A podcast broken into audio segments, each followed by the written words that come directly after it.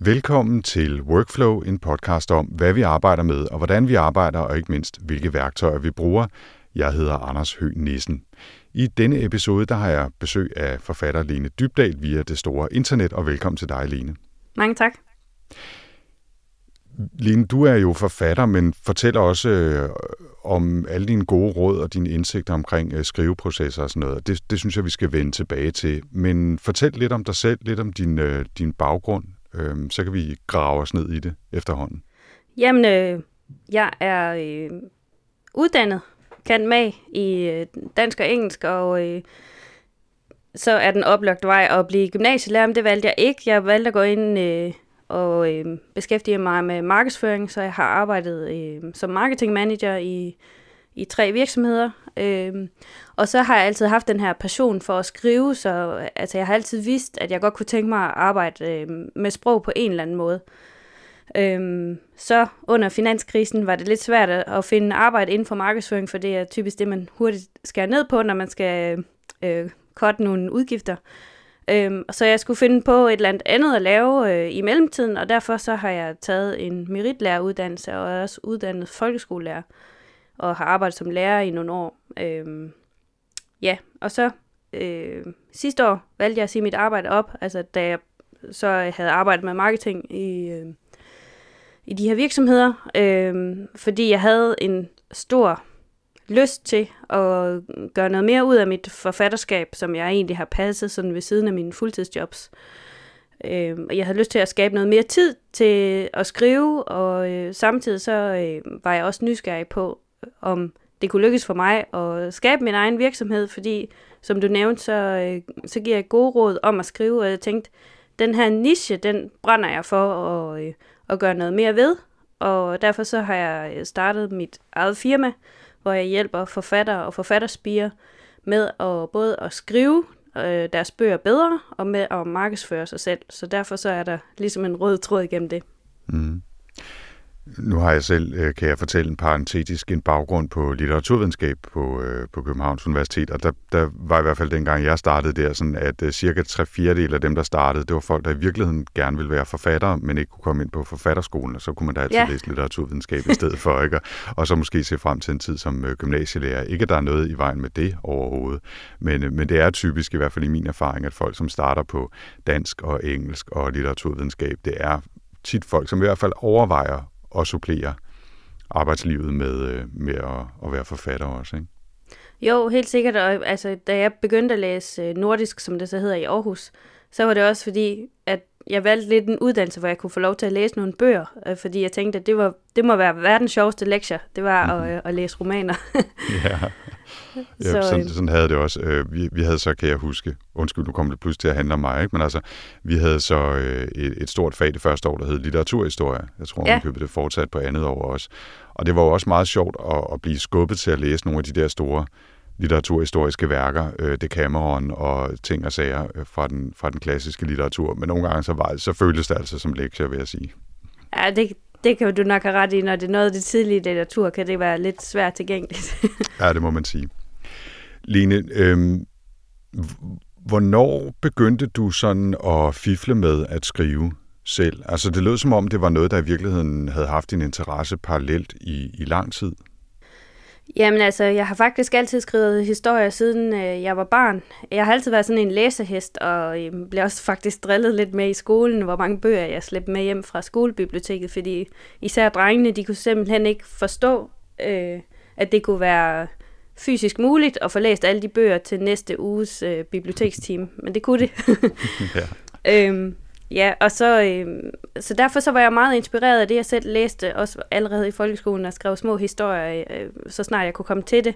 Men sådan som jeg kom i gang med at skrive altså rigtige bøger, det var i, i jeg tror, starten af 20'erne, altså sidenløbende med mit universitetsstudie, begyndte jeg at skrive sådan lidt på noget længere.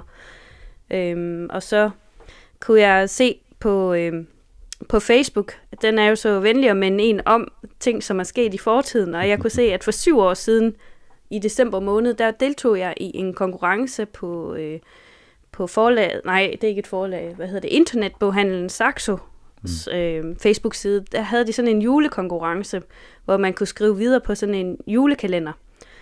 Og øh, der stod for syv år siden, øh, så stod der sådan noget med, jeg vandt igen, måske skulle jeg skifte job, eller noget i den stil. og det var så fordi, at jeg havde deltaget hver dag i den her julekalender, og jeg vandt, tror jeg, 6 ud af de 24 afsnit.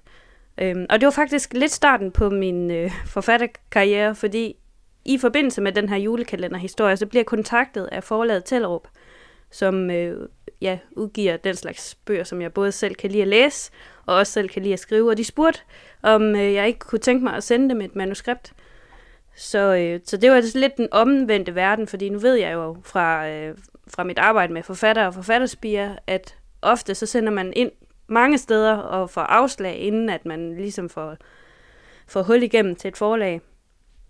Men jeg fik sendt øh, manuskriptet til den bog, der blev til Den Gyldne Nøgle, ind til, til forlaget Tellerup, og øh, så gik der nogle måneder, og så blev jeg ringet op, og så sagde de, at de ville gerne udgive bind 1.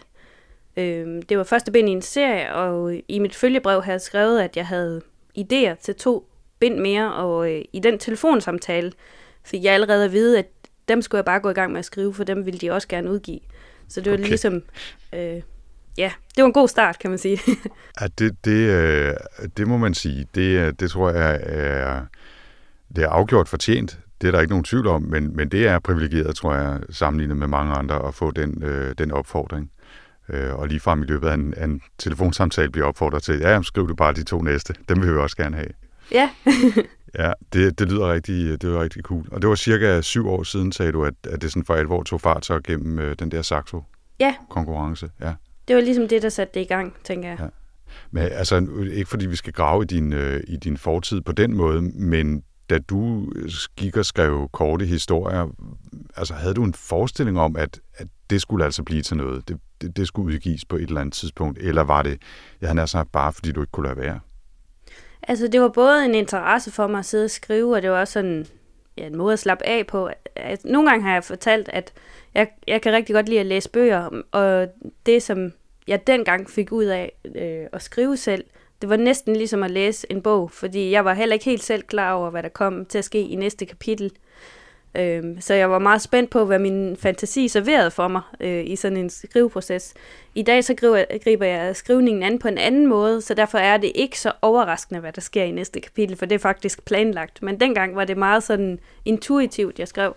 Mm. Øh, det, det, ja, det, det er jo meget sjovt. Øh, den, den del af processen synes jeg, vi skal vende tilbage til lige om lidt. Men det slår mig lige, at øh, nu har vi øh, præsenteret dig som forfatter, og du har allerede en række bøger bag dig. Øhm, men fortæl lige, hvad det er for nogle bøger, du skriver. Ja, men jeg skriver øh, fantasy-romaner for unge og eventyrløsende voksne.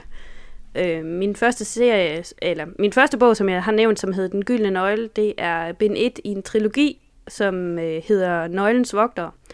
Og den handler om et tvillingepar, som øh, har rødder i Spanien. De har en spansk mor og en dansk far.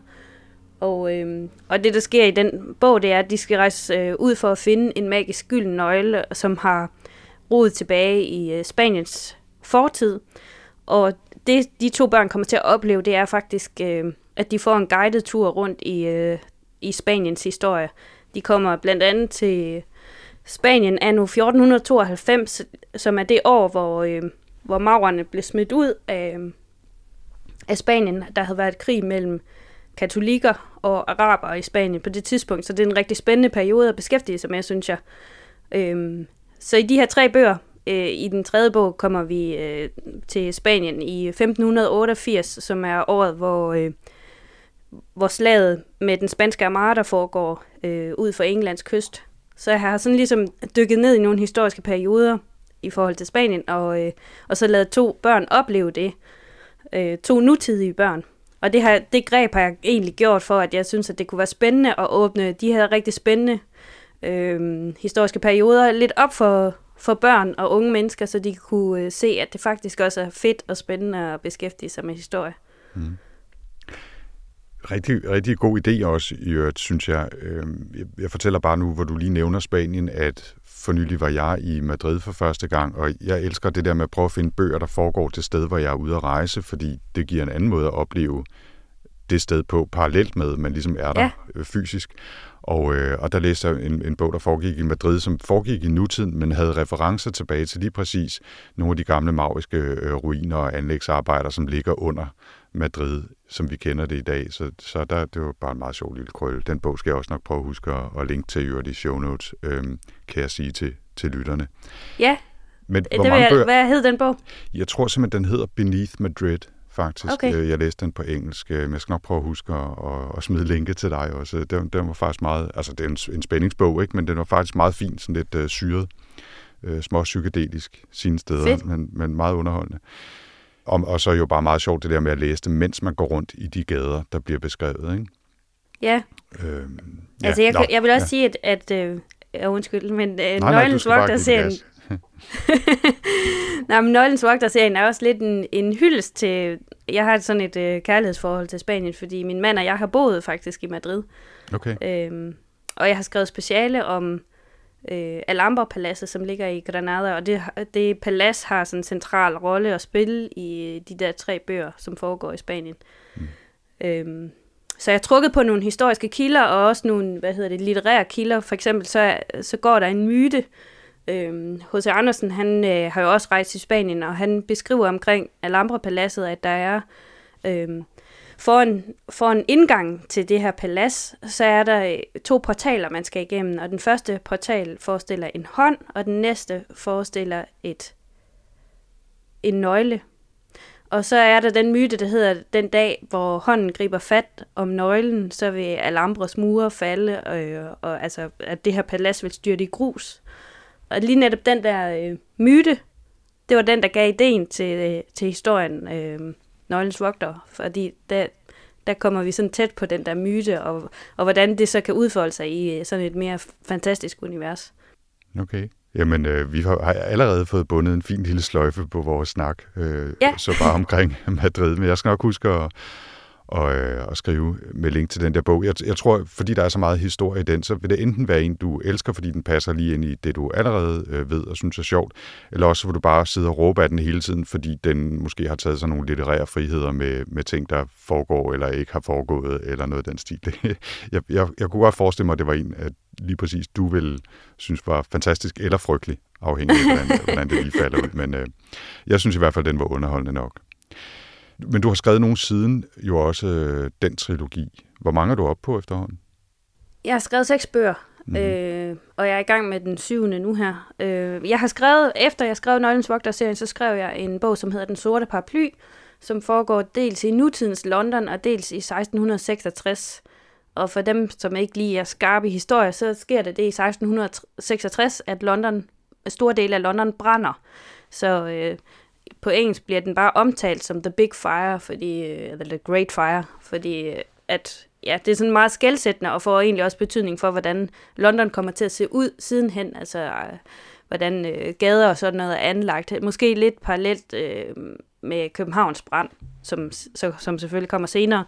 Men øh, den begivenhed, synes jeg, var også øh, rigtig fed at dykke ned i, så jeg har sådan et tidsrejse ja, element i både Nøglens Vogter og i, i Den Sorte Paraply, hvor vi så øh, rejser frem og tilbage mellem London i nutiden og, og London i fortiden. Og så det, jeg skriver på nu, det er faktisk øh, en serie, som hedder Ovanien-profetierne, og der har jeg lagt det historiske lidt til side og gået all in på fantasy, så der har jeg opbygget mit eget univers øh, helt forbundet. Og de første to bøger i den serie, de hedder Skyriel. Det er navnet på hovedpersonen, som, og det er bind 1, og bind 2 er netop udkommet og hedder Bloodbased. Så øh, den udkom her i efteråret, og så skriver jeg så på bind 3, som hedder Ildstorm. Og, og hvor den skal komme? Og den skal komme en gang, når jeg er færdig. Fair nok. Øh, vi behøver ikke sætte deadline på. Der, er- der er sikkert pres nok øh, i forvejen. Og, og, og bare lige for at opsummere, altså, du, det er vel det, man kalder for young adult øh, på, på moderne dansk, ikke? Øh, og så Jo. fantasy, og som du sagde, for eventyrlystende voksne. Så øh, man skal ikke nødvendigvis holde sig tilbage, bare man ikke, selvom man ikke øh, har, har teenageår på sin fødselsattest. Ja, præcis. Altså, jeg har, nu øh, holder jeg sådan lidt øje med også øh, markedsføringsdelen af min øh, forfattervirksomhed, og rigtig mange af dem, som følger mig på de sociale medier, er kvinder, der er plus 30. Og, øh, så altså, selvom at man øh, er mere end øh, en teenager, så kan man altså sagtens læse øh, fantasy-romaner. Det, der, jeg tror også, at øh, Steffen Larsen, som er anmelder på Politikken, han øh, har fortalt mig, at øh, hoved, eller i hvert fald op mod halvdelen af dem, som læser fantasy-romaner, det er faktisk voksne. Så det er blevet mere og mere accepteret. Jeg tror også, at det er på grund af, at ja, mange tv-serier har jo også øh, taget det til sig, og det startede måske endda allerede med Ringenes Herrefilmene, som virkelig slog igennem, og, og selvfølgelig Harry Potter. Jeg skulle lige sige, det, det er nok svært ja. at komme uden om, om den serie øh, også, ikke? Ja. Og er der mere, vi lige skal høre om den sidste bog her? Jamen altså, jeg sidder og arbejder på Ildstorm, som, øh, som jeg fortalte før, og jeg har egentlig været gået lidt i stå, og øh, når jeg har talt med mine forfatterkolleger, så har de øh, sagt til mig, om det ikke var en idé at få en beta-læser på. Og øh, der er sikkert nogen, som ikke ved, hvad en beta-læser er, men det er altså sådan en, en samarbejdspartner, som, som læser ens tekst og giver feedback, øh, så man ligesom kan øh, se, om ens idé holder vand, eller se, hvordan den bliver modtaget. Det bruges også øh, inden for film, der hedder det sikkert bare noget andet. Og det har jeg egentlig ikke brugt øh, før nu. Og, og fordi at jeg ligesom var gået lidt i stå med det, så, så var der flere af mine forfatterkolleger, der sagde, det synes vi altså, du skulle, du skulle prøve at have nogen til at, at kigge på det. Det kan give noget øh, ny gejst og noget ny gnist. Øh. Og så har jeg faktisk indgået et meget spændende samarbejde med en anden øh, fantasyforfatter, som hedder Lene Kåberbøl. Øh, og vi har indgået sådan et gensidigt øh, samarbejde om sparring og feedback på hinandens tekster. Og det har faktisk allerede givet øh, mig en ny gejst og gnist for den her historie, så øh, jeg ser rigtig meget frem til det her samarbejde. Det er faktisk en interessant øh, del, der tager lidt hul på det der med, med lige præcis en skriveproces, øh, fordi det er jo også en, en del af processen, at nogen læser det, man har skrevet, måske for nogen, og det har det så i hvert fald øh, vist sig at være for dig, ikke? Ja. Jo, præcis. Og det er også noget af det, jeg arbejder med i, i nogle af de kurser, jeg tilbyder til forfatter og forfatterspirer. Jeg har for eksempel et, et medlemssite, som hedder Skriverejsen, Øh, og det, man kan få der, som er ret unikt, det er, at man kan få andres feedback på det, man skriver. Og det er ikke sådan, at jeg sidder og læser øh, 100 menneskers øh, forskellige øh, tekster hver dag eller hver uge, men man har mulighed for at få min feedback på teksterne, og så går det sådan lidt efter tur. Og, øh, og inde i det univers, som er sådan en, en online portal, kan man sige, hvor man har adgang til på månedsbasis, ligesom Netflix, øh, der øh, leverer jeg undervisning, både videoundervisning øh, i, i det at skrive, og øh, skriveredskaber og skriveværktøjer. Og alt det, jeg selv bruger, når jeg, når jeg øh, konstruerer mine plots og øh, validerer mine idéer osv. Øh, men et element er også, at man så kan øh, deltage i nogle skriveøvelser, og så giver man både hinanden feedback inde i skriverejsen, og øh, man har også mulighed for at få min feedback. Og det, øh, det har vokset sig rigtig stort, Øh, det bliver lanceret i foråret, og vi har allerede over 100 medlemmer øh, i skrivende stund. ja, og hvordan kom du i gang med den del af det? Så nu, nu fik vi gravet lidt i, hvordan det opstod for dig, det med at, at skrive selv øh, dine romaner og så videre, men, men hvordan kom du på, at når nu havde du simpelthen lært så meget, eller vidste så meget om at skrive, at det måtte du da også dele ud af? Det var faktisk øh, inden, at, øh, inden jeg blev udgivet, så gik jeg i gang med at blogge, og jeg har faktisk stadigvæk en blog sammen med min mand, som hedder Vild med Spanien. Øhm, så jeg kendte blogging faktisk, inden at jeg kendte til at få, få udgivet mine bøger. Og så tænkte jeg, at hvis jeg nu skulle tiltrække noget øh, interesse for mig som forfatter, der er ingen, der ved, hvem jeg er, så kunne man jo starte med at blogge, fordi øh, ja, så har man mulighed for at nå ud til flere mennesker, og det er en en billig måde at øh, ligesom komme i kontakt med omverdenen på.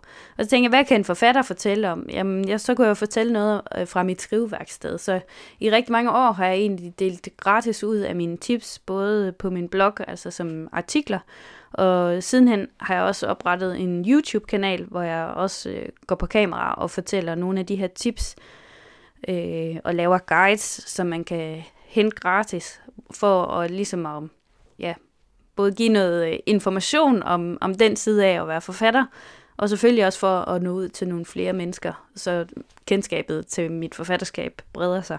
Mm.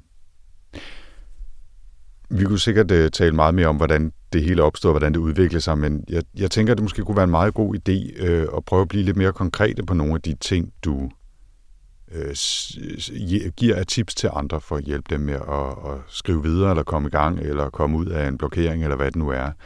Og, uh, og, og du har jo mange guides og, og gode tips på dit site, også nogle, som er øh, hvad kan man sige, til, til folk i universet. Øhm, og vi skal jo ikke forære det hele væk. Der er jo også en, der er jo også en forretning i det her, tænker jeg. Ikke? Men altså, øhm, jeg, jeg synes, at en af dem, vi kunne prøve at kaste os ud i, var den, der simpelthen hedder, vil du skrive en roman, seks forfattertips. Og så øh, kan vi se, hvor, hvor langt vi kommer i de seks tips, om vi når igennem alle sammen, eller om vi får smidt fire mere ned oveni, eller hvordan det nu kommer til at gå. Hvad siger du til det? Jamen, det lyder sjovt. Lad os okay. gøre det. Lad os prøve. Og jeg synes jo egentlig, at det er meget sjovt, at øh, første tip i den guide hedder Vent med at skrive. Ja. Hvad, hvad, hvad mener du med det? Ja, men det er faktisk også et, et lidt kontroversielt tip, kan man sige, fordi øh, der er jo også, øh, der er ligesom to retninger inden for det at skrive en bog. Altså, der er, øh, på engelsk, så, så kalder man de to retninger for plotter og pantser. Og øh, plotteren er den, som sidder og planlægger, altså lægger et øh, fastlagt plot, inden vedkommende kommer i gang med at skrive. Og en pantser, det går på, at man, man sidder på sin rumpe og bare sætter øh, stolen i sædet og giver sig til at skrive ud af, uden at have en egentlig plan for det. Og øh, den her guide, den har jo så udgangspunkt i det, at man skal planlægge sin roman. Og det er jo taget ud af mine egne erfaringer med at og bare skrive på ren intuition, som jeg startede med at fortælle dig lidt om, at jeg havde på et tidspunkt bare øh, skrevet der ud af, uden at have ligesom et mål og med. Og sådan som jeg er som person, så har jeg fundet ud af, at det nok virker lidt bedre for mig at have det planlagt i forvejen. Så derfor så det her tip, vent med at skrive, det går jo så på, at man skal have orden lidt på sin idé, inden man går i gang der kommer du også med nogle konkrete bud til, hvordan man kan få orden på sine idéer. Du nævner blandt andet mindmaps og så videre. Kan du ikke prøve at sige lidt om det også? Jo, øhm, fordi tit så er det, at man har en idé, en flygtig idé, men, og man tænker, at det kunne være spændende at skrive en bog om, og så skriver man et par linjer, og så går man måske i stå, fordi man egentlig ikke har udbygget den idé, heller ikke i tankerne. Og der kan man øh, med fordel bruge nogle mindmaps, og nu ved jeg godt, at du er, ligesom jeg selv, vild med apps og øh, gode værktøjer. Så jeg bruger selvfølgelig også nogle digitale værktøjer det, til det her, men man kan jo også bare sætte sig med et stykke papir og en blyant, og så begynde at lave øh, et mindmap, altså starte med at skrive sin hovedidé i midten, og så skrive nogle grene ud til siderne omkring de emner, man godt kunne tænke sig at brainstorme over. Øhm, så jeg bruger rigtig tit brainstorming til at få noget struktur og få nogle ekstra ord på en idé. Øh, i, i forhold til den guide, som vi øh, snakker om nu her, så øh, den tager udgangspunkt i, hvordan jeg fandt på øh, ideen til Skyel, øh, den første bog i, i den serie, jeg skriver på nu. Og der, der tog jeg faktisk udgangspunkt i geografien. Jeg, be, jeg begyndte at tegne et kort, øh, faktisk ind i det der mindmap-program, og så begyndte jeg at sidde og, og brainstorme over, okay, hvem bor i det her land, og hvem bor på de forskellige øer. Og da jeg så havde øh, brainstormet lidt over det, så gik jeg sådan i gang med, um, øh, nu har jeg personerne. Hvad, hvad er mere spændende at udforske i sådan en ny verden? Og så mm, skrev jeg øh, borge som et punkt, og religion, og skikke, og sprog, og kultur. Og så begyndte jeg at, at brainstorme over, jamen, hvad, øh, hvilke, øh, altså en borg, det er jo selvfølgelig også et magtcentrum, kan man sige, og, og religion har historisk set også været sådan en grundlag for mange konflikter, så der er også rigtig meget fedt konfliktstof, man kan putte ind i sådan nogle religionsstridigheder. Og lige sådan med kultur og sprog og mm. skikke og sådan. Så øh, ja, så det, jeg synes bare, at mindmaps er så gode til at, at udvikle på sine idéer, så man har mere kød og, øh, at tage fat på, når man så skal ja. til at skrive. Når, når du siger øh, brainstorm, så det lyder også meget for mig, som om øh, mindmaps netop er et brainstorming-værktøj fordi det har den der lidt mere organiske form, hvor man kan skrive i en retning, og så kan man lave en anden tråd i en anden retning, og så kan man skrive en ny boble på den første tråd, så man pludselig kommer i tanke om noget. Man behøver ikke være så struktureret, struktureret omkring det, så det er netop, når man nu, nu får jeg de ting ned på papir, som dukker op i min hjerne, når jeg tænker over et eller andet. Det, det er sådan, du bruger mindmaps. Ikke, at jeg vil lægge det over i munden, men sådan lyder det jo i hvert fald. Ja, jamen, øh, jamen, og hvis man sådan oversætter, øh, at man egentlig laver et landkort over sin hjerne, så er det jo altså i et mindmap, så synes jeg egentlig, det rammer meget godt. Ja. At man for, forsøger at visualisere for sig selv, hvad det er for nogle tanker, der hører sammen. Er det sådan, du sætter dig ned og siger, okay, nu, nu tager jeg altså en time eller tre eller 10 minutter, eller hvordan det er, og så giver jeg den gas med det her mindmap, og så vender du tilbage til det øh, løbende og udvikler på det og flytter måske nogle grene fra et sted til andet, eller, eller er det sådan en, et, et brain dump i virkeligheden, og så øh, har du struktureret nogle tanker, og så hvordan bruger du det så? Hvordan, ja, hvordan bruger du det i virkeligheden, er vel spørgsmålet. Ja, Altså, jeg bruger det både til, øh, som du siger, bare at få nogle tanker ned på papiret, og sådan sætte gang i, øh, også når vi snakker om en brainstorm, altså blæse nogle idéer op fra dybet, fordi der er garanteret nogle idéer og nogle associationer, der kommer i spil, når man ligesom forsøger at, at røre lidt op i gryden, eller hvad man kan sige om sin hjerne. Øhm, men derudover så bruger jeg faktisk også mindmappet som en, en måde at strukturere historien på. Så jeg laver sådan et lineær mind, mindmap, øh, hvor jeg kan se kapitlerne som sådan nogle bobler på en lang snor. Mm. Øh, og det har den fordel, især når man plotter så vildt, som jeg gør. Altså jeg har nogle meget komplekse plots med flere forskellige handlingstråde, som fletter sig ud og ind mellem hinanden at man kan sådan flytte rent fysisk et kapitel til et andet sted i historien, hvis det passer bedre i forhold til tempoet i historien. Mm. Så, øh, så kan sådan et mindmap, et lineær mindmap, hjælpe med at, at holde styr på hele historien på én gang, altså sådan visuelt. Det lyder også som om, at så er vi måske lidt ved at bevæge os i virkeligheden over i tip nummer to, som er lav en disposition. Ja, det øh, har jeg at, allerede at de to gjort. ting, at, at de to ting hænger sammen, ikke? Altså at man, man bruger den, den, øh, den vildt voksne mindmap brainstorm som udgangspunkt for noget, som så er mere lineært, mere struktureret. Øh, og i virkeligheden minder, øh, ja, nu har vi begge to været på universitetet, ikke? Øh, øh, som minder om noget, man, man i hvert fald har lavet, når man skulle skrive en opgave eller et eller andet. Ikke?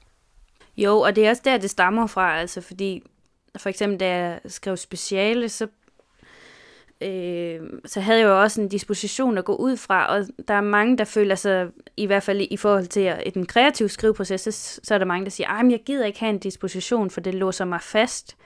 Men jeg ser det mere som sådan nogle pejlemærker. Man behøver jo heller ikke at skrive bogen fra start til slut. Man behøver ikke at starte med at skrive første kapitel, og så hele vejen frem til 60. 20. kapitel, hvis det skulle være. Altså, lige sådan som man kan bruge en disposition bare som et, som en guideline til, hvordan man skriver sin opgave, kan man jo godt starte med at skrive øh, et metodeafsnit, eller afslutte med at skrive en indledning osv. Så, videre. så altså, jeg tænker, at dispositionen er mere øh, sådan en køreplan, øh, som man kan gå til og fra. Ja, og som du siger, man kan jo også flytte rundt på nogle ting, måske i højere grad i, i en, en kreativ proces, altså hvis man skriver fiktion, end, end hvis man skriver en opgave eller et speciale, hvor der trods alt er måske lidt flere krav til en logisk fremadskridende struktur. Ikke? Øh, jo, men men i, i, en, øh, i en roman kan man jo sagtens lave flashbacks og flashforwards og alt muligt andet. Altså, altså man kan sagtens flytte rundt på, på dispositionen, også som du siger, hvis du pludselig kommer i tanke om, eller finder ud af, at når man et plotpunkt er bedre at fortælle, måske lidt tidligere, end du ellers havde regnet med, jamen, så kan du flytte rundt på det. Så det er mere en, i virkeligheden en, en måde at skabe overblik og holde overblik, end det er at låse dig fast i et eller andet. Ja, præcis. Især det med at holde overblik, fordi det kan være svært, hvis man er ved at skrive en, en bog, der kommer til at være, fylde 400-500 sider. Øh, og husk rækkefølgen, eller husk, hvem ved nu hvad, for mm. eksempel. Mm. Det er jo mm. noget, man kan virkelig få grå hår i hovedet over. fordi jeg ved det hele, men ved den og den person det nu, eller får de det første at vide senere, og så videre. er, det, er det så, øh, altså den her dispositions slash mindmap, er det sådan noget, som bliver rimelig stort og vildt voksende, øh, og er svært at få overblik over, eller er du god til at strukturere det og fjerne gamle informationer og sådan? Altså, på et tidspunkt så printede jeg min, min disposition ud for, for Bloodbased, som jeg lige har, har fået udgivet. Og, øh, simpelthen i en lang rækkefølge, og jeg tror, at det fyldt hele sofaen. Altså i længden af, ark, der var klistret sammen. okay. Så, så det lyder stort og kompliceret. Jamen, det er det også. mm. Det er, jeg ved ikke, hvad for et øh, værktøj du bruger til at lave dine dispositioner. Der findes jo nogle, hvor det er nemt at folde øh, ind og ud, altså under, under punkter øh, til, til kapitler for eksempel, eller et eller andet. Jeg ved ikke, hvad du bruger af, af værktøj konkret. Jo, jamen jeg bruger et, der hedder Mindview, og der, det er både nemt at, at printe det ud i lige præcis den visning, man gerne vil have, så det kommer også an på detaljeringsgraden. Øh, hvor mange detaljer vil man have med? Jo flere detaljer man gerne vil have med, jo flere stykker papir skal man så bruge til at, at printe på. Ja. Og, øh, og så virker det virker faktisk lidt som om, at du næsten allerede var ved at tage hul på tip nummer tre, så jeg synes bare, vi skal skynde os hen til det, og det handler om at skrive det bedste først. Og det, det griber tilbage til det, du lige nævnte før, Lene, om at, at man jo ikke nødvendigvis behøver at skrive ting i den rækkefølge, de står i dispositionen, for eksempel. Ja, og det, det tænker jeg, det kan være sådan en belønning, når man nu har siddet og været så tålmodig, og øh, egentlig har øh, fundet alle de rigtig gode idéer frem. Der er tit en hovedidé, som man har haft lige fra starten. Altså det kan være, at man forestiller sig et stort slag inde i hovedet, eller måske et øh, bestialsk mor, hvis man skal skrive en krimi, eller måske et eller andet, øh, et hemmeligt rum, man kan åbne ved at trykke på en flise, eller der er altid sådan en eller anden bestemt scene, man har haft i, i sit hoved, da man fik ideen, og så tænker jeg, at noget af det, som kan virke som en belønning for en selv, det er at gå i gang med at skrive det først, fordi øh, så, der har man en masse energi på det, og det kan godt ske, at der er nogle ubesvarede spørgsmål, som man stadigvæk ikke ved, men så får man i hvert fald nogle ord på papiret ved at skrive det, der egentlig sat tankeprocessen i gang. Mm. Så det, det, er, det lyder faktisk meget fint, det der med at tænke på det som en belønning. Altså, øh, selvom man jo forhåbentlig synes, det er sjovt at skrive, fordi man har kastet sig ud i at forsøge at skrive en bog og er kommet så langt, at man måske har øh, lavet mindmap og en disposition, så kan det være svært at tage det første skridt og kaste sig ud i det. Specielt hvis man føler en masse pres over, at man absolut skal starte fra begyndelsen, og nu skal man også lave den bedste startsætning nogensinde. Så er det måske sjovere bare at kaste sig ud i at skrive en god scene, eller som du siger, noget, man, man faktisk glæder sig, glæder sig til at skrive, så det gør det jo alt andet lige nemmere at komme i gang. Faktisk så har jeg en forfatterkollega, som hedder Boris Hansen, som netop øh, indlægger i sin... Han er meget øh, planlægningsmenneske, og han indlægger små belønninger til sig selv øh, i sin disposition, så han ved præcis, når jeg kommer til kapitel 3, så er der det her sjove, der bliver spændende at skrive, og så på den måde så motiverer han sig selv ved at, at lægge sådan nogle små gaver okay. ind i planlægningen, og det, det synes jeg også er meget inspirerende. Små stykker af skrivechokolade mellem ja, øh, råbrødet. Ja. Øhm, det, det griber i virkeligheden en lille smule over til, til tip nummer 4 fra din, øh, din guide, øh, som hedder Skriv dig ud af blokeringer. Og, ja. og at blokeringer kan jeg jo lige spørge, før vi kaster os ud i det, er det noget, du selv oplever meget, eller eller alvorligt, eller hvad? Altså på et tidspunkt, så, så nægtede jeg at anerkende, at der skulle være noget, som øh, hed skriveblokeringer. Men der, det vil jeg sige, at der har jeg et lidt af de ord i mig igen, fordi nu har jeg faktisk op, oplevet øh, at været gået lidt i stå med, øh, med den roman, som jeg er i gang med at skrive nu her. Og der kan være mange årsager til, at man går i stå med at skrive, og noget af det, som rigtig mange, der godt kan lide at skrive, de kæmper med, det er selvfølgelig at få tid til det i en travl hverdag. Og øh, jeg startede jo med at sige, at jeg sagde mit job op for at få mere tid til forfatterskabet, men øh, det jeg ikke lige havde taget med i overvejelserne, det var, at det tager jo også tid at være iværksætter. Mm-hmm. øh, så derfor så har jeg i hvert fald haft nogle længere perioder, hvor jeg ikke har skrevet. Men øh, hvis man nu er gået i stå og ikke rigtig kan finde tilbage til historien, så tænker jeg, at det første, som måske ikke engang står i min guide her, men det første, jeg vil anbefale, det var at læse det, man trods alt har skrevet igennem øh, for lige at huske på, hvad er det, den her historie handler om. Og så det tip, som jeg så giver her, skriv dig ud af blokeringer, det er egentlig meget simpelt tip, det er, når man så har læst det afsnit, man er i gang med, så kan man spørge sig selv, hvad sker der lige efter det her afsnit? Altså ikke, hvad slutter romanen med, men hvad, hvilken scene kommer lige efter det her, eller hvad sker der lige før, hvis man, øh, hvis man ligesom har skrevet sådan lidt på må at få frem og tilbage i sit plot så, så kan den, øh, de to tips være med til at i virkeligheden, det er jo en lille brainstorming igen, altså at man prøver at se, okay, hvad kunne lede op til, at hun blev slået ihjel, for eksempel, hvis det var det. Mm. Øhm, ja, så det er, det synes jeg er et godt tip. Ja. Det bruger jeg selv. Ja, det, det, og det plejer at være de bedste tips, hvis man, hvis man synes, de er så gode, man selv bruger dem. Ikke? Det er jo den bedste anbefaling. Det minder mig om en lille smule om, øh, da jeg for mange år siden startede som freelancer i, i Danmarks Radio, og øhm, en af, af værterne på det program, jeg arbejdede på, Harddisken, dengang øh, lavede sådan en lille freelance guide med gode råd til, vi var en hel, hel masse nye, der lige var startet.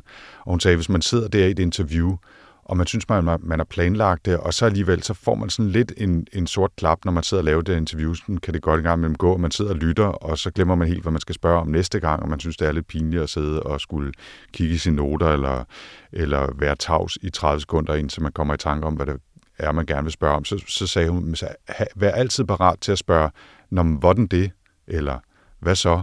Øh, fordi de fleste mennesker, selvom der i virkeligheden ikke rigtig er noget fornuftigt spørgsmål i det, så, så går de bare videre og, og begynder at fortælle om det. Det er sådan lidt en måde at komme ud af en spørgeblokering på, som minder lidt om den der, øh, det tip, du lige har givet, ikke? som er, Nå, hvad skete der lige her? Eller øh, hvad, hvad skete der lige før det her? Ikke? Altså sådan nogle automatspørgsmål, man kan stille sig selv for at komme videre i virkeligheden. Ikke? Ja, Jamen, den var faktisk også meget god. Hmm, hvordan det? Hvad så? Det, ja. det er den, den korte udgave af det, du lige sagde. Ikke? Øhm, og jeg, jeg synes faktisk, altså der er jo en meget, meget fin logisk øh, rækkefølge i din, din guide her med, med seks tips, ikke? og det næste følger jo ret meget i hælene på det der med blokeringer, som måske også kan, kan være, at når man så har skrevet noget, så er man ikke sikker på, hvor godt det er. Og det kan jo være, tænker jeg, for mange en årsag til deres blokering, at de faktisk er lidt i tvivl om, hvor godt det, de har skrevet, egentlig er. Og der har du også et råd om, at man, at man som du siger, skal slukke for sin selvkritik. Det skal man jo ikke gøre hele tiden, men det kan jo være en, øh, et godt tip i nogle sammenhæng i hvert fald. Jamen, jeg tænker, at man skal være meget bevidst om, hvad man laver på hvilket tidspunkt. Altså, der er en, og det er jo også lidt det, den her korte guide, den afspejler, at der er en, et tidspunkt, hvor man må idégenerere helt vildt, og det er i den der brainstorming-delen. Og så er der, når man så har idégenereret, så kan man jo give sig til at sortere i de idéer, og så er man mere over i sådan en udvælgelsesfase, hvor man så også godt kan sige nej tak til de skøreste idéer, måske. Mm. Øh, og så kommer vi så ind i skriveprocessen, og når man skriver, og det er det, som det her tip det handler om, så skal man ikke begynde at redigere, for den, den proces kommer bagefter. Så altså hver ting til sin tid. Så i selve skriveprocessen vil jeg mene, at der skal man øh, producere så meget tekst som muligt, uden at tænke på, om det nu lyder godt, eller om det nu er helt perfekt, fordi det, som øh, den her, eller det her stadie drejer sig om, det er jo netop at få fyldt kød på det der, den disposition, man lige har lavet, altså fylde det op med tekst. Mm. Selvom det lyder sådan måske lidt ulækkert, altså man, ja, øhm, så, så kan man sige, at her må der gerne være masser af fedt og flødeskum, havde jeg sagt, fordi at det kan vi altid skære fra, når vi kommer til redigeringsfasen. Ja.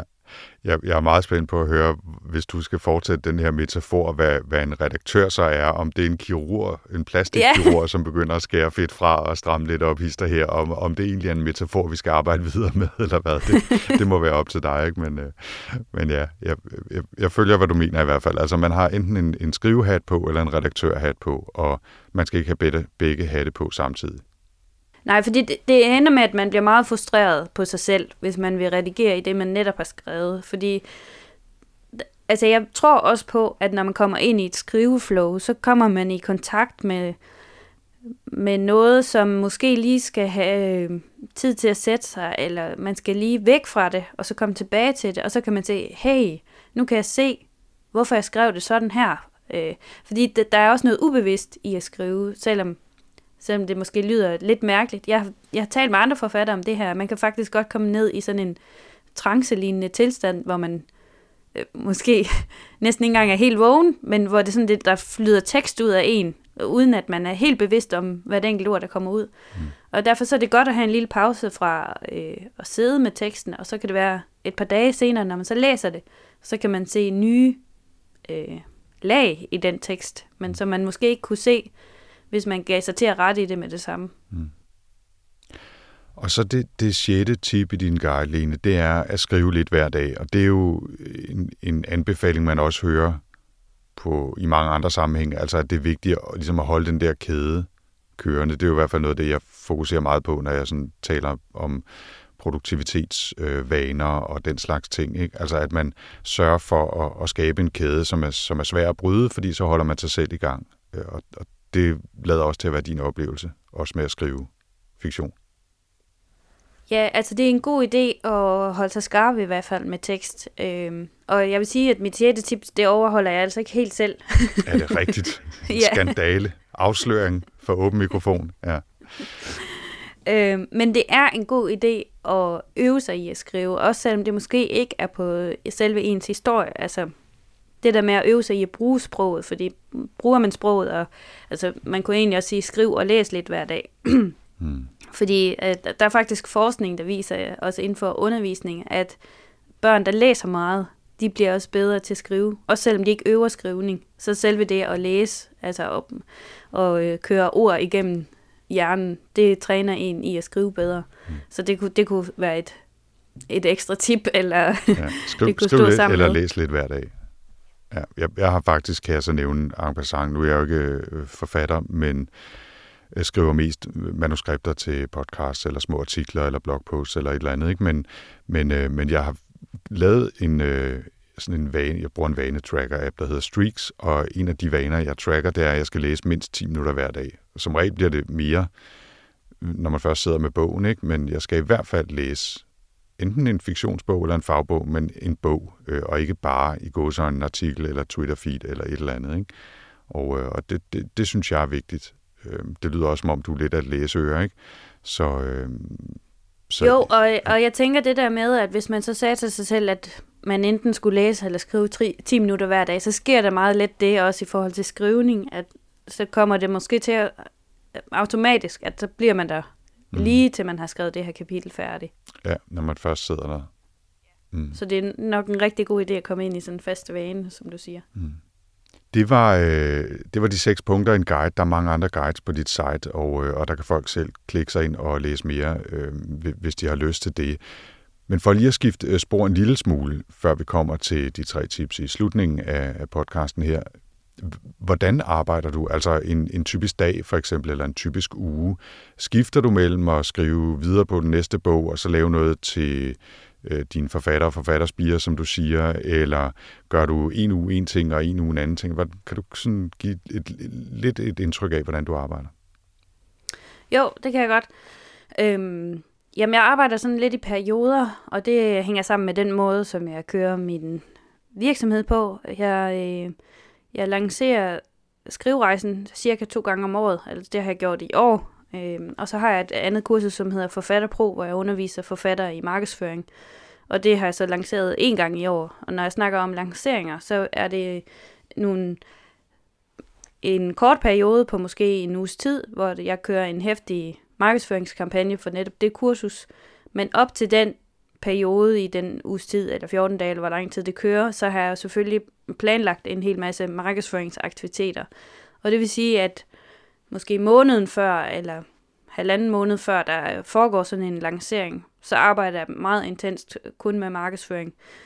Og det vil sige, at i de perioder skriver jeg ikke. Men nu er jeg så lige kommet på, på den anden side af sådan en hæftig markedsføringskampagne. Mm. Og så har jeg tid til at skrive igen, og tid til at fordybe mig i, i det arbejde. Og det vil sige, at sådan som jeg arbejder, når jeg arbejder med markedsføring, så har jeg en frygtelig masse apps og programmer, jeg bruger i det arbejde.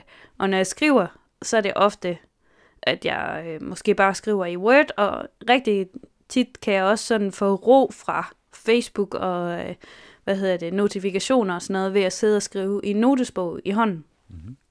Så det er sådan meget to øh, øh, kontraster, kan man sige. Ja, at ja. jeg det kunne, det kunne være sjovt en, en anden god gang så at grave ned i noget af alt det, du bruger til, til den markedsføringsdel, som du lige har fortalt om. Øhm, jeg, jeg tror, så kommer vi til at være lidt, lidt for lang, øh, lang tid i den her omgang, men jeg synes, det er interessant, at du nævner, at du bruger Word. Det, det er der jo ikke noget vejen med. Det er jo et, et godt, gammelt og prøvet værktøj. men, men også, at du så nævner, øh, at du også skriver i en notesbog. Øh, er det så, skriver du jeg havde sagt, øh, rigtige sætninger og afsnit, eller er det mere en, hvor du tager noter og skriver enkelte sådan, formuleringer, som du er glad for, eller idéer ned? Hvordan er der et forhold eller en forskel mellem de to måder at arbejde på så for dig? Altså notesbogen bruger jeg for at blive helt offline, fordi at jeg oplever, at jeg bliver forstyrret af at være online, fordi det, der tit sker, det er, at jeg begynder at tjekke mails, eller jeg begynder at tjekke øh, notifikationer. Nu har jeg jo også øh, en masse kursister, som kommunikerer med mig via Facebook, og øh, så er det nemt lige at hoppe ind og hjælpe dem, og så hopper man ud af skriveprocessen. Og, altså, det, der er sådan mange distraktioner ved at være online, synes jeg, i dag, som mm. der bare ikke engang var for 5-7 år siden. Mm. Så derfor, hvis jeg vil være helt offline, så sidder jeg og skriver reel tekst i en notesbog i hånden, og så skriver jeg det ind senere. Okay, altså simpelthen hele, hele formuleringer eller afsnit? Ja, eller, hele kapitler. Ja, okay. øh, jeg har mange helt fyldte notesbøger bare med blå tekst hele vejen. okay, imponerende. Men øh, jeg vil sige, øh, en af mine øh, yndlingsforfattere, Neil Stevenson, øh, han skriver sådan nogle, øh, ja, det er jo nærmest science fiction, øh, i hvert fald nogle af dem, også selvom nogle af dem foregår i historien faktisk helt tilbage til 1666, er der en, en lang serie, der starter i. Øh, og han skriver altså bøger på sådan noget 800.000 sider, og han skriver det hele i hånden. Det, det, det er jeg ret imponeret af. Specielt fordi han er faktisk rimelig produktiv. Jeg tænker, hvordan får han nogensinde tid til at lave noget andet? Men det gør han altså øh, på en eller anden måde. øhm, men du kunne jo også, kan man sige, bare i gå så bruge computeren og så slukke for nettet. Men, men det, det er svært at holde sig væk, når man først sidder der. Eller, eller du er måske bare glad for at skrive i hånden. Det kan jo også være. Jeg kan godt lide kombinationen. Altså, øh, på det sidste har jeg brugt øh, notesbogen som sådan anti anti-internet, mm. men, øh, men jeg kan faktisk også godt, rigtig godt lide at skrive i hånden, også fordi man øh, mås- måske kommer jeg mere ind i det der flow, som jeg talte lidt om, som lød, lød lidt langhåret, mm. med at man, øh, man kommer ind i sådan lidt en, en ubevidst tilstand, når man skriver, og den er nemmere at, at komme ind i, tænker jeg, med, når man skriver i hånd, end ja. når man skriver på computer. Ja. Jeg har øh, to øh, kommentarer i den sammenhæng. Den ene er, at det minder lidt om den skældning, jeg har mellem at læse øh, på computer eller iPad, og så en Kindle. Øh, vi har læser altså 98% e-bøger for tiden, og har gjort det i mange år. Men når jeg læser på en Kindle, så er jeg ikke på samme måde fristet til at, at lige gøre noget på nettet, eller lige tjekke Twitter eller et eller andet, fordi det, selvom man godt kunne, så går det ekstremt langsomt, og det er rodet og så videre. Ikke? Hvor da jeg en overgang læste e-bøger på iPad'en, der var det meget nemmere at blive distraheret og lige skulle tjekke et eller andet. Ikke? Og der kan man jo sige, der kunne jeg også bare slukke for netadgangen, og så var den en, et dumt bræt. Ikke? Men, men, men det er svært at få sig selv til at gøre, medmindre man, man presser sig selv ved enten at læse på Kindle, eller i de tilfælde skrive i en øh, fysisk notesbog, som er meget svært at få til at gå på nettet. Ja, det er den. øhm, og den anden ting, jeg vil, vil sige, som jeg kom til at tænke på, det var i forhold til selve skrivningen, og det der med at skrive med en pen eller en blyant eller en kuglepen, øh, er, er jo også noget, som jeg har hørt mange fortælle, gør noget andet end at sidde med fingrene på tastatur. Hvor jeg er lidt interesseret i at, øh, at bruge min iPad med sådan en, en Apple Pencil på til at skrive i hånden, men digitalt. Som, som gør nogle ting, hvor jeg virkelig kan samle det et sted, hvor jeg håber lidt at få det bedste fra begge verdener, men jeg er ikke helt sikker på, hvordan det fungerer. Men, øh, men det var bare sådan et, et, et lille indspark. Øh, det kunne være en måde at, at gøre det på. Men jeg kan sagtens se den der sådan taktile fornemmelse, der er over en, øh, en bog eller et stykke papir, og så en, en, en pen, ikke? Jeg har faktisk set, apropos øh, gadgets, jeg har faktisk set, øh, og det er sikkert fordi, øh, at, fordi det, jeg har set det som Facebook-annonce, så det er jo sikkert baseret på mine interesser, men mm-hmm. jeg har mhm. tit fået en reklame for en, øh, lidt ligesom en Kindle bare som notesbog, altså ja. det elektroniske papir, og det ligner meget papir. Jeg, når man jeg tror, den hedder Remarkable. Ja, det kan fordi godt jeg har lige set den i mit uh, Instagram-feed, faktisk.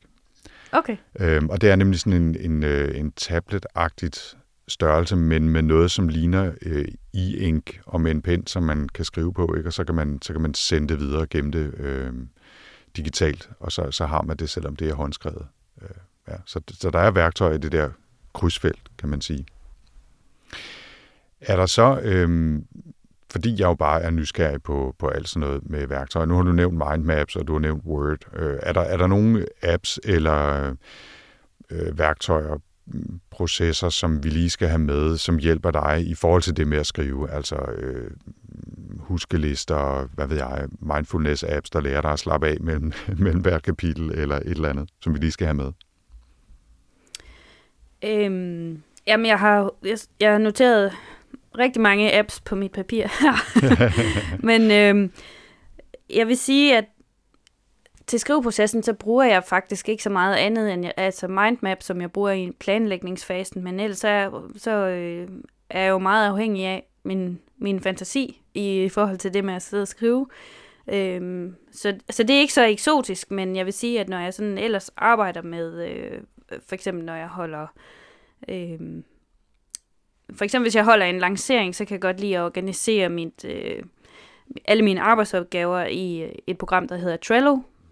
Det er lidt ligesom post-its, bare på computeren, hvor man kan skrive en masse små post-its, og så hvis man forestiller sig, at der var fire kolonner, en der hed to do, og så, øh, det er bare sådan, jeg organiserer det, og en, der hedder i gang, eller, og så er der en, der hedder næsten færdig, og så er der en, der hedder færdig, og så flytter jeg øh, hver seddel fremad i rækken efterhånden, som de opgaver bliver lavet. Øh, og det synes jeg, det er virkelig et hjælpsomt værktøj, når jeg øh, skal holde styr på mange forskellige aktiviteter på en gang. Man kunne sikkert også godt bruge det i et skriveværktøj, altså, altså i forhold til at skrive en bog, men det har jeg ikke gjort. Jeg har brugt det i, i forhold til at planlægge mine øh, produktlanceringer her. Ja, det er, det er også et populært værktøj, øh, netop til den der slags projektstyring. Specielt faktisk, hvis man er i teams, men øh, man kan jo sagtens bruge det selv også. Øhm, og så bruger jeg et, et, øh, program, som hedder øh, Stencil, og øh, det bruger jeg rigtig meget til at lave øh, visuelt øh, materiale. Altså, det er en blanding mellem et, et slags billedredigeringsværktøj, øh, men det er samtidig også et bibliotek af stokfotos, altså mm, fotos, man må, må bruge, uden at kreditere fotografen. Øhm, og så, så kan man så skrive tekst hen over de her billeder, og øh, hvis man har lyst. Man kan lave øh, Facebook-annoncer med det og så videre. Og det, jeg bruger det næsten hver dag til en eller anden form for kommunikation. Man kan også uploade sine egne billeder i programmet. Og det, der er fedt ved det program, er, at det nemt kan resize til de forskellige sociale medier. De har forskellige størrelser. Ja, så det kan være øh, kvadratisk til Instagram og så videre øh, på ja, en måde. Ja, og så de rette mål til Facebook og YouTube. Hvis man vil lave en ny YouTube-header eller sådan noget, så mm. er det nemt at tilpasse det derinde. Lige nu vil jeg, jeg vil ikke kortslutte processen her. Er du i gang med at tage hul på de tre tips, eller har du bare så mange apps, du gerne vil fortælle om, at, vi, øh, at du både kan fortælle om dem og har tre tips til, til sidst? Nå, men jeg troede, det var de tre tips, jamen, men jeg har også mange flere, vi bare kan putte ind i jamen, det, til det var sidst. det, jeg havde på fornemmelsen, og jeg vil sige, du har allerede givet både seks tips fra din guide og en masse gode idéer allerede, så, så vi kan sagtens være utraditionelle. Jeg plejer bare lige at sige, at nu går vi i gang med de tre tips, men du skal ikke, det skal du ikke have det dårligt over overhovedet. Øh, jeg er bare glad for, at du sidder og hælder, hælder ud her, fordi øh, der er masser af gode idéer. Øhm, så øh, skal, vi, skal vi sige, at, at Trello og Stencil var de første for eksempel, og så har du et mere. Er det sådan, vi gør det? Eller har du tre mere? Jamen, jeg har 10 mere, men... skal, vi ikke, skal vi ikke bare sige så, at nu, øh, nu laver vi en, en arbitrær streg i sandet, og så siger vi, nu går vi i gang med de tre tips, og så, så tager vi tre mere. Jo, lad os gøre det. okay, og jeg vil overlade det til dig at vælge. Okay. Mm-hmm. Et af de programmer, som jeg også er glad for at bruge, det er et program, som hedder Zoom, og øh, det er lidt ligesom Skype, men det har nogle lidt flere funktioner, og det, som jeg bruger det til, det er at holde møder med andre online, altså en-til-en møder for eksempel. Man kan også bruge det som øh, et webinarværktøj, altså hvor man underviser online. Øh, og man kan da også bruge det til at streame til Facebook, men jeg har bare den gratis version, og det, jeg synes, det fungerer rigtig godt, når man har sådan nogle en-til-en møder, og det, jeg bruger det for eksempel, når jeg, øh, når jeg snakker med Lene Kåbebøl, og vi skal øh, hvad hedder det, skærmdele, så kan vi sådan kigge på hinandens tekster og sige, jamen der synes jeg, at øh, det skulle rykkes et andet sted hen, og så videre. Så det er sådan en måde at være sammen på, selvom man er mange kilometer fra hinanden. Mm. Zoom, altså som i uh, Z-O-O-M, var det det, der hedder? Ja, præcis. Ja, okay. Zoom.us, hvis man skal finde det. Alright. Godt tip. Øh, Skype er jo en ting, som mange mennesker elsker at have. Øh, det er jo blevet nær standard, men det har også sine hurdles, skal vi sige det på den måde. Øhm, så, så der findes forskellige alternativer. Jeg prøvede for nylig et, der hedder appear.in, som også øh, er populært derude, fordi man faktisk ikke behøver at have en profil for at kunne bruge det. Øh, så hvis man bare vil tale med nogen sådan ud af det blå, havde han sagt, så kan de bare logge sig på et, et rum, man laver, og så kan man have både lyd og video samtaler på den måde. Det, det fungerer faktisk også meget godt. Nå, men det var ikke mig, der skulle komme med tips. Det var faktisk dig. skal vi Jamen, kaste jeg er videre? altid åben efter Jamen, flere tips. Det, det kan du prøve. Det, det skal jeg nok smide ind også øh, i, i links i show notes, så kan du øh, finde det der. Øhm, tip nummer to, Line? Det er faktisk en platform, vil jeg sige. Øhm, jeg, jeg bruger til at øh, hoste mit øh, mine kurser på, øh, men det, det kan så meget mere end bare at hoste video og tekst.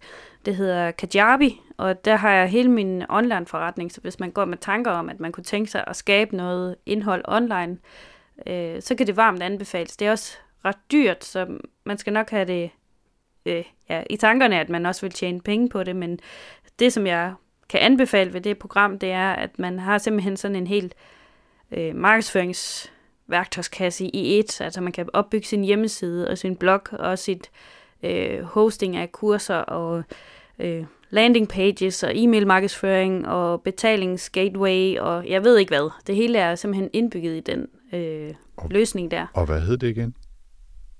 Det hedder Kajabi, K-A-J-A-B-I. Øhm, ja, og det, og det er sådan en app, som bliver gradvist opdateret, så man får øh, løbende nye, øh, hvad hedder det, opdateringer fra, fra firmaet der, som, som nu har vi fået øh, tilføjet en ny feature. En af de nyere feature var faktisk, at nu kunne man øh, lave en quiz på sin hjemmeside. Det er jo også, der er også rigtig mange sjove quizværktøjer, og det er jo også noget af det, man sådan kan øh, få noget engagement i forhold til at komme i kontakt med folk. Men nu er det så indbygget, og så løbende har der været hele tiden nye features, de har indbygget i den her platform. De lytter meget til de brugere, som bruger det, og så udvikler efter det. Så det er super fedt. Super interessant. Det har jeg har aldrig hørt om. Øhm, det lyder som om, at det er praktisk, det der med at få det samlet i en pakke, og at, at det kan håndtere mange forskellige ting. Øh, måske også gøre det nemmere at håndtere frem for at skulle øh, køre det hele på sit eget site, eller forsøge at banke en WordPress-platform til at håndtere alt det her med 5.000 plugins osv.?